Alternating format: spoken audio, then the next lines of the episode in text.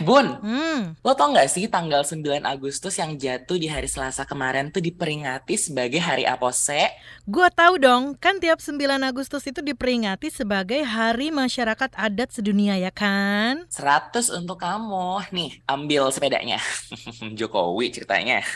Nah, tujuan peringatan ini tentu untuk memberikan penghormatan kepada komunitas adat di seluruh dunia. Nah, menurut data Aliansi Masyarakat Adat Nusantara nih, aka AMAN, per 9 Agustus 2022, Indonesia memiliki 2000-an komunitas adat loh. Wah, banyak juga ternyata ya. Eh, BTW selain Hari Masyarakat Adat Sedunia itu kan juga ada hari penting, Beb. Tapi besokannya 10 Agustus. Ah, gue tahu tuh. Tiap 10 Agustus kan diperingati sebagai Hari Konservasi Alam Nasional, ya kan? Betul banget. Dah, sana ambil kursi jabatannya. Eh, sepeda maksudnya. Eh, tapi ngemeng-ngemeng soal konservasi alam nih. Kan alasan itu juga kan yang dipakai sama pemerintah buat naikin harga tiket masuk Taman Nasional Komodo tuh jadi 3,75 juta rupiah kan. Dan udah kita bahas juga tuh di FOMO Sapiens pekan lalu. Ya gimana nggak rame di protes publik termasuk para pelaku wisata lokal. Maka dari itu, akhirnya Pemprov NTT ini resmi menunda kenaikan tarif masuk Pulau Komodo hingga 1 Januari 2023. Artinya nih, wisatawan domestik dan mancanegara yang akan wisata ke Pulau Komodo dan Pulau Padar tetap berlaku tarif lama sebesar 5.000 per orang bagi WNI dan 150.000 per orang untuk WNA. Jauh ya naiknya? Banget. Eh, tapi buruan deh booking tuh tiket terbang deh kita. Ah, tiket masuk Pulau Komodo kan belum naik, malah tiket pesawat yang udah nggak kuat banget harganya, say. Apalagi ke Indonesia Timur tuh, aduh nggak kuku aku tuh, nggak kuat. Oh iya ya, gue lupa. Nah, tapi soal kenaikan harga-harga ini nanti bakal kita bahas lebih komplit ya. Exactly. Anyway, kamu lagi dengerin FOMO Sapiens dari KBR Prime, jalan pintas yang nggak bikin kamu ketinggalan berita atau peristiwa di sekitar kamu. Bersama saya Ian Hugen. Dan saya Aika. Bun, Bun, kita nih bisa dibilang cukup beruntung ya punya privilege selama pandemi ini apalagi pas awal-awal tuh kan kita bisa sampai full WFH tuh. Bahkan tapping buat siaran kayak gini aja kita bisa lakukan dari rumah masing-masing kan? Ember, kayak bisa kerja dari mana aja ya kan? Dari rumah sampai luar kota. Pokoknya selama masih ada jaringan internet mah aman, Besti. Nah itu dia, kudu punya jaringan internet tapi catatannya ya. Can you imagine living without internet? Me cannot, cannot, I cannot pokoknya bun, bun. Waduh, hari ini kalau hidup tanpa internet sama aja nggak sih kayak hidup tanpa duit, Bun? Nggak bisa ngapa-ngapain gitu.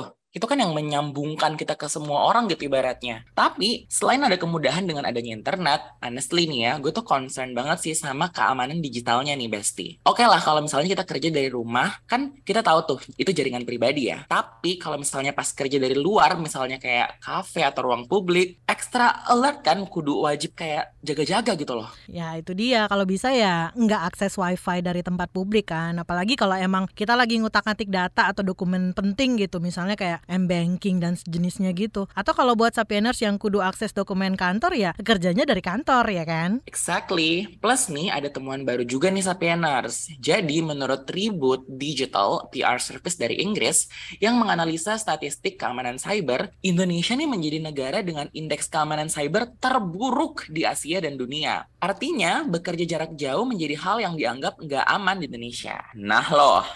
Itu gua sempat mantengin juga sih. Riset keamanan siber itu kan menilai keamanan tuh dari sejumlah tindakan serangan siber tuh kayak drive-by, terus situs phishing, situs hosting malware, dan penyusupan komputer. Nah, diduga nih Indonesia tuh punya sebanyak 600-an komputer yang terinfeksi virus, terus juga ada seribuan situs phishing sama seribuan situs dengan malware. Banyak ya bun. Nah tapi nih plot twistnya, meskipun riset menunjukkan longgarnya keamanan cyber di Indonesia, tapi daya tarik turis termasuk turis asing untuk tetap dari jarak jauh di Indonesia tetap banyak banget loh. Data dari Kemenparekraf nih tahun ini menunjukkan sebanyak 95% turis khususnya Bali datang dengan tujuan utama untuk bekerja jarak jauh. Apalagi kan sekarang visa digital nomad Indonesia udah masuk dalam tahap akhir proses penerbitan. Ah, ini kayaknya uji nyali digital kali ya Bun ya. Tapi kalau lihat data riset tadi tuh negara-negara Asia dengan ketahanan siber terbaik tuh kan kayak di Korsel, terus Jepang sama Lebanon. Ini orang-orang pada nggak mau kerja kerja jarak jauh dari sana aja apa gimana ya? Ya mungkin di sini kan biaya hidup sama kuota internet lebih murah, say. iya juga sih ya. Eh, tapi yang gue heran nih, meskipun ketahanan siber negara kita tuh bisa dibilang buruk ya, tapi pemerintah kita khususnya kementerian yang ngurusin tuh Kominfo kayaknya selalu optimis deh, Bun. Hah, optimis gimana ya? Lihat hasil riset tadi aja bikin gue deg-deg selesai. Ya, kalau nggak optimis ngapain dong mau bikin super app? Super app? Siapanya Superman nih. Tolong-tolong bisa kasih pencerahan, Bun? Yakin loh bakal dapat pencerahan dari gue. Kalau aku sih enggak ya.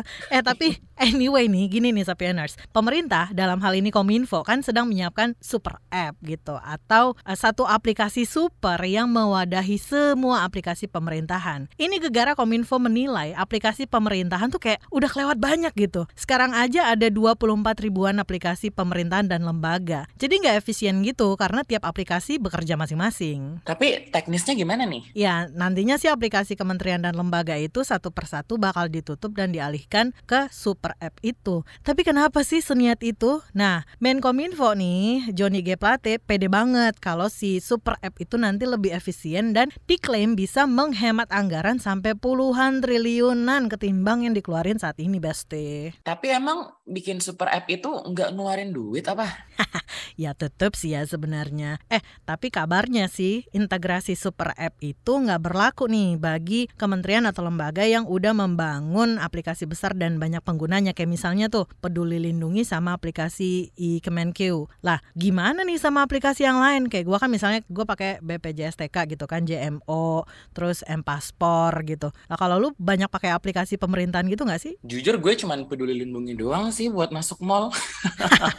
Penting ya. Nah, tapi kayak misalnya buat orang-orang yang punyanya banyak itu gimana coba? Lagian ya, kepikiran nggak tuh gimana kalau misalnya dibikin satu super app doang, terus tiba-tiba ngehang alias error, apalagi kalau banyak yang ngakses. Kan masih ingat nggak sih kayak peduli lindungi pas lagi hektik-hektiknya nih ya, kayak baru buka terus ketutup sendiri gitu. Bayangin deh, kalau satu super app error, otomatis kan nggak bisa akses semua app dong ya pemirsa. Nah itu dia, utamanya sih pemerintah kudu bener-bener mikirin nih, sama menjamin keamanan siber super app itu ya nggak sih? Mulai dari jaringan, sistemnya, sampai aplikasinya ya kan? Saat ini memang banyak banget sih aplikasi yang dimiliki pemerintah ya. Di samping itu, sebagian aplikasi dan website juga emang udah nggak terpakai. Tetapi nih, tidak dimatikan. Misalnya, Sapieners masih ingat nggak sih sama kasus bocornya data e-hack Kemenkes gitu? Pas tahun lalu ya, Hmm. Sistem e-hacknya kan udah nggak kepake nih, namun nggak cepat di take down. Nah, gimana menurut pakar keamanan siber? Kalau menurut Pratama Persada, Indonesia tuh bisa kok sebenarnya punya aplikasi sistem satu pintu gitu bagi masyarakat atau korporasi untuk mengakses uh, pelayanan pemerintah. Tapi harus riset mendalam nih, apakah si super app ini yang akan dibuat cukup satu atau beberapa gitu. Terus menyesuaikan kebutuhan dari masyarakat, swasta, dan instansi pemerintah sendiri. Nah, dengan super app ini, harapannya sih semua kementerian dan lembaga bisa collab nih dalam sebuah platform digital. Tapi by the way, masing-masing aplikasi milik pemerintah ini kan sebenarnya memiliki tingkat keamanan yang berbeda-beda ya. Kalau misalnya lemah pengamanannya, ya rawan terjadi kebocoran data pastinya. Nah, banyaknya aplikasi dan website yang nganggur ini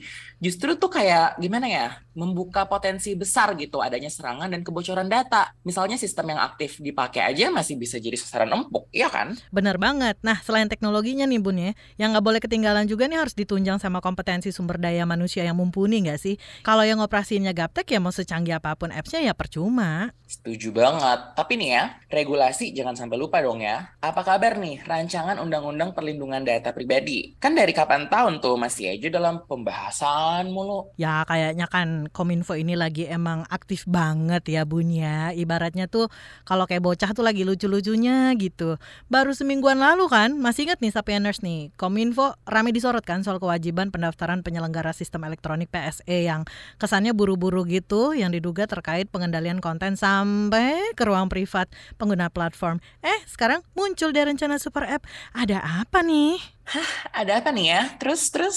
Nah, dengan satu aplikasi super alias super app ini kan makin nyaman dong pemerintah untuk monitor gerak-gerik digital warganya. Kan datanya makin terintegrasi tuh di satu aplikasi super itu. Duh, cepuin terus. Monggo, silahkan.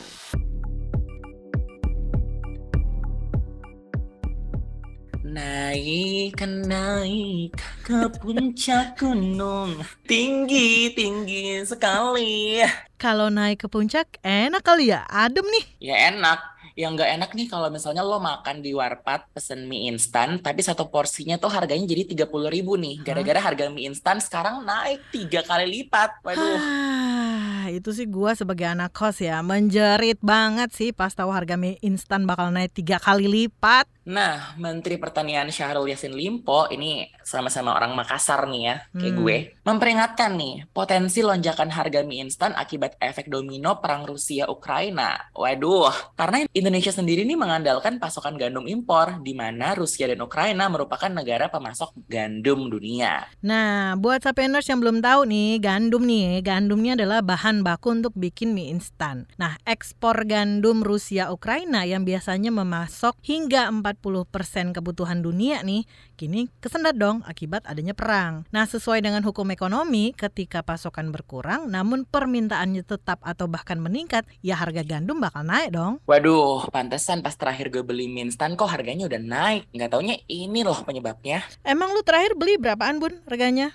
Kemarin Rabu sih waktu gue beli mie instan tuh harganya mulai dari 3000 per bungkus ya di minimarket Jakarta. Misalnya nih untuk Indomie milik Indofood, mie goreng tuh dibanderol sekitaran 3100 lah per bungkus. Kemudian untuk jenis mie instan berkuah sebagai rasa seperti ayam bawang, soto, dijual tuh dengan harga 3000 per bungkus. Tapi Direktur PT Indofood, Frankie Welirang, bilang nih kalau asumsi soal kenaikan harga mie instan hingga tiga kali lipat itu lebay alias berlebihan. Dia bilang nih sebenarnya sampai saat ini harga gandum dunia itu udah berada di posisi tertinggi. Apalagi kenaikan harga gandum maupun terigu itu juga sudah terjadi di tahun 2021. Dan Menteri Perdagangan Zulkifli Hasan juga memastikan nih prediksi harga mie instan bakal naik tiga kali lipat belum tentu benar gitu ya Sapieners. Jadi jangan terlalu khawatir dulu nih. Sebab nih produksi gandum di negara-negara penghasil telah mulai panen. Pengiriman gandum dari Ukraina mulai pulih gitu. Sehingga nih harga gandum mulai berangsur turun pada bulan September mendatang. Amin. Ya, gue berdoa aja sih ya agar harga mie instan ini nggak beneran naik sampai tiga kali lipat. Kalau sampai naik beneran, aduh, gue kayaknya makan apa ya sama kerupuk, apa dikecapin. Kayaknya gue mulai beralih nggak makan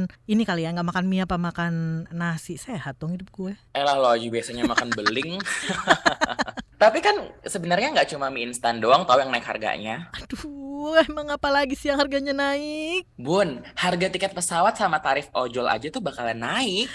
Ah, udahlah nih nasib gue sebagai anak kos yang jauh dari keluarga beneran terancam kayaknya ya. Eh BTW nih kalau harga tiket pesawat harganya naik nih gue pernah denger sih itu gara-gara harga bahan bakar pesawat atau aftur kan yang naik sampai 70% tuh. Nah kalau tarif ojol nih naik gara-gara apaan? Kan nggak pakai aftur. Sadar bun, kita coba breakdown satu-satu ya. Kita mulai dari harga tiket pesawat dulu nih, yang Hmm. kita jarang naik gitu. Adita Irawati selaku juru bicara Kemenhub nih menyadari peningkatan aftur sebesar 5% akan menaikkan harga tiket pesawat, khususnya penerbangan domestik. Kemenhub nih meningkatkan bahan bakar pesawat dari 10% menjadi 15% dari tarif batas atas untuk penerbangan dengan pesawat mesin jet. Sedangkan untuk penerbangan dengan pesawat mesin baling-baling naik menjadi 25% dari tarif batas atas. Nah, Sapieners, peningkatan bahan bakar pesawat ini kan merupakan hasil nih dari evaluasi pengenaan tarif serupa pada April hingga Juni 2022. Selain itu, salah satu peraturan Menteri Perhubungan atau Permenhub membolehkan nih pengenaan bahan bakar pesawat kalau misalnya harga aftur membuat beban operasional maskapai naik lebih dari 10%. Kemenhub juga mengimbau nih maskapai penerbangan supaya nggak hanya memanfaatkan peningkatan bahan bakar untuk mengurangi beban operasional gitu. Maskapai juga diminta untuk bikinlah inovasi pemasaran sehingga bisa menekan beban operasional tanpa menaikkan harga tiket penerbangan gitu. Nah, salah satu inovasi yang ditawarkan Kemenhub adalah memaksimalkan faktor muat penumpang atau load factor dalam sebuah penerbangan. Hal tersebut penting lantaran pemerintah kan udah melonggarkan aturan load factor kan? Eh, sekarang kita pindah nih ke topik yang menurut gue paling nyesek, Beb, sebenarnya. Jadi, Dirjen Perhubungan Darat Kementerian Perhubungan itu menerbitkan regulasi terbaru aturan tarif ojek online alias ojol nih. Nah, aturan baru itu tertuang dalam Keputusan Menteri Perhubungan nomor 564 tahun 2022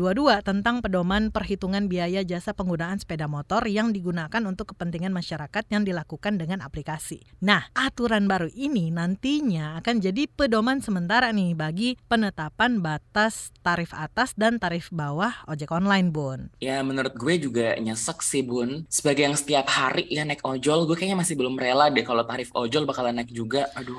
Ya, mau gimana lagi ya kan? Dalam aturan itu kan komponen biaya pembentuk tarif terdiri dari biaya langsung dan tidak langsung nih. Nah, biaya langsung itu adalah pungutan yang dikeluarkan oleh mitra pengemudi dan udah termasuk profit si mitra pengemudi. Sedangkan biaya tidak langsung itu adalah pungutan sewa penggunaan aplikasi perusahaan terkait paling tinggi 20%. Terus biaya jasa yang tertera pada lampiran merupakan pungutan yang udah dapat potongan biaya tidak langsung berupa biaya sewa pengguna aplikasi. Nah, penyesuaian biaya jasa tersebut nih sebenarnya tuh harus beriringan dengan kewajiban perusahaan aplikasi dalam peningkatan standar pelayanan dari aspek keselamatan dan keamanan. Atau nih mungkin udah include kayak biaya parkir otomatis kan enak ya. Jadi kita tuh nggak perlu nyiapin cash lagi untuk kasih uang tambahan biaya parkir gitu.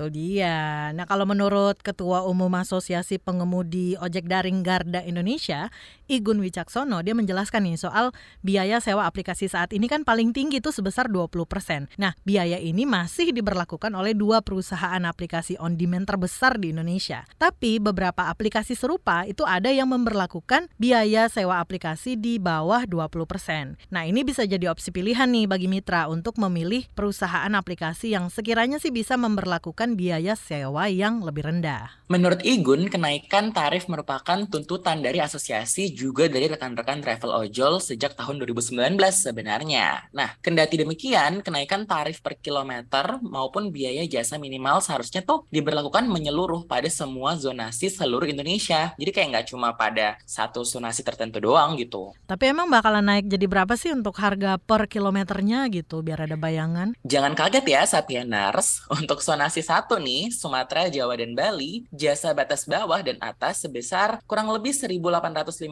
dan 2.300 rupiah per kilometer. Sedangkan biaya jasanya sendiri tuh antara 9 ribuan sampai 11.500 lah. Nah, hmm. Untuk zonasi 2, Jabodetabek only nih, jasa bawah dan atas sebesar 2.600 sampai 2.700 per kilometer. Sedangkan biaya jasanya tuh udah sekitaran 13.000 sampai 13.500. Dan terakhir untuk zonasi 3, Kalimantan, Sulawesi, Nusa Tenggara, Maluku dan Papua, jasa batas atas dan bawah tuh sebesar 2.000 sampai 2.600-an rupiah. Sedangkan biaya jasanya sendiri tuh udah 10.000 sampai 13.000 rupiah lah. Wah, ini sih bisa-bisa dari kosan gua sampai kantor kalau biasanya nih paling ya kan kalau gua dari kosan itu kan ke kantor untungnya kan gua deket ya paling ya jarak-jarak mungkin berapa sih 4 kiloan gitu 4 kilometeran. Bisa yang harganya nih biasanya normalnya gua paling mentok di 16 ribuan lah lebih kurang dari 20 ribu ya. Ini kalau dengan tarif yang segitu goks juga sih bisa jadi 30 ribu gitu mas kali jalan. Eh, asli sih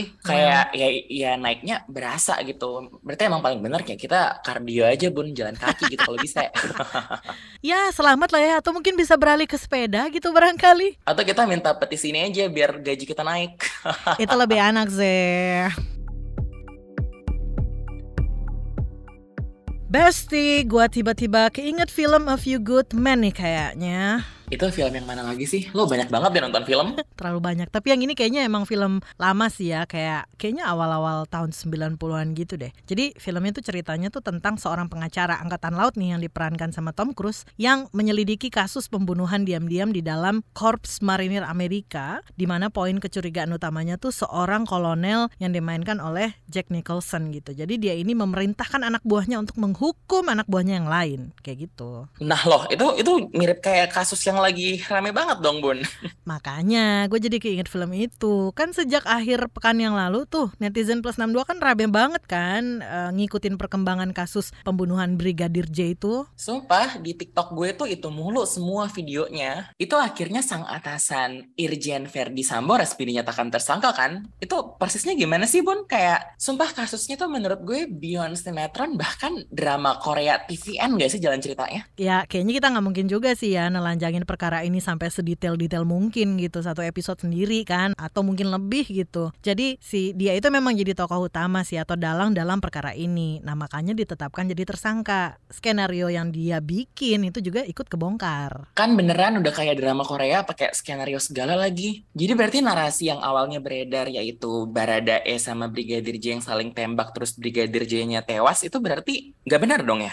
Yoi, kemarin tuh pas Kapolri Jenderal Listio Sigit Prabowo mengumumkan penetapan Irjen FS jadi tersangka. Jadi Pak Sigit tuh bilang kalau sebenarnya nggak ada tuh baku tembak. Peristiwa yang sebenarnya itu ya Brigadir J ditembak aja gitu sama Baradae atas perintah atasannya Ferdi Sambo. Yang gue baca sih Bun, jadi Ferdi Sambo ini kan juga diduga pakai pistolnya Baradae untuk nembakin peluru ke tembok. Begitu juga pas Brigadir J tewas. Jadi sebenarnya sang penulis skenario ini juga nembakin pistol Brigadir J ke tembok kan, biar kelihatan kayak beneran kalau abis ada baku tembak di rumah itu, ya nggak sih? Nah itu juga tuh yang disampaikan sama Kapolri tuh. Fakta baru itu terungkap setelah Baradae mengajukan restoratif justice.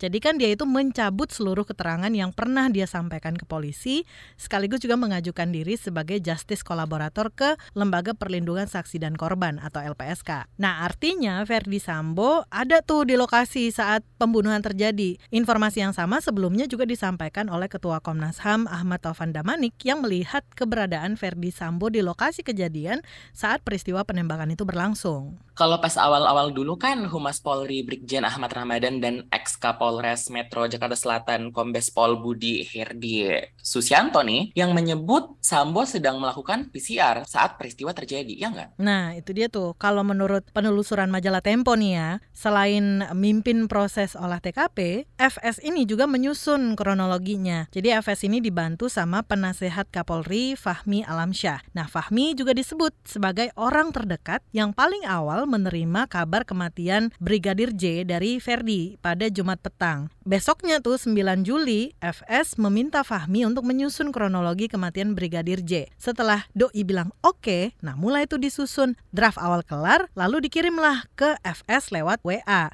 Nah, FS terus ngeditlah kronologi versi Fahmi dan menambahkan penjelasan soal Brigadir J yang melecehkan istrinya. Waduh, jujur dengar ini juga hati gue jadi sakit banget sih. Nggak cuma itu tapi Bun, FS ini juga diduga memerintahkan anak buahnya untuk menyebarkan cerita gubahannya kepada petinggi Polri yang lainnya. Jadi nggak cuma gosip yang menyebar dari mulut ke mulut ya Bun, tapi rekayasa pembunuhan juga bisa gitu. Nah nulisnya juga pakai WA gitu kan. Eh berarti sekarang ada empat orang tersangka ya termasuk Irjen Verdi Sambo. Terus Baradae berperan sebagai eksekutor penembakan Brigadir J. Nah Brib KRR itu turut membantu dan menyaksikan penembakan korban korban. Dan KM itu juga ikut membantu dan menyaksikan penembakan. Mereka berempat ini kan disangkakan dengan pasal 340 subsidiar pasal 338 KUHP Jungto, pasal 55 dan 56 dengan ancaman maksimal hukuman mati, hukuman penjara seumur hidup, atau hukuman paling lama 20 tahun penjara. Cuma motifnya emang belum kebuka sampai sekarang sih. Kayaknya masih tricky gitu. Kayak susah dipecahkan kasus ini. Lah tim khusus yang dikepalai sama Wakapolri Komjen Gatot Edi Pramono itu kan masih terus melakukan pemeriksaan kan terhadap sejumlah saksi termasuk istrinya Ferdi Sambo nih Putri Chandrawati yang kemarin sempat muncul kan tuh di media. Tapi lo baca komen-komen netizen gak sih soal itu Bun?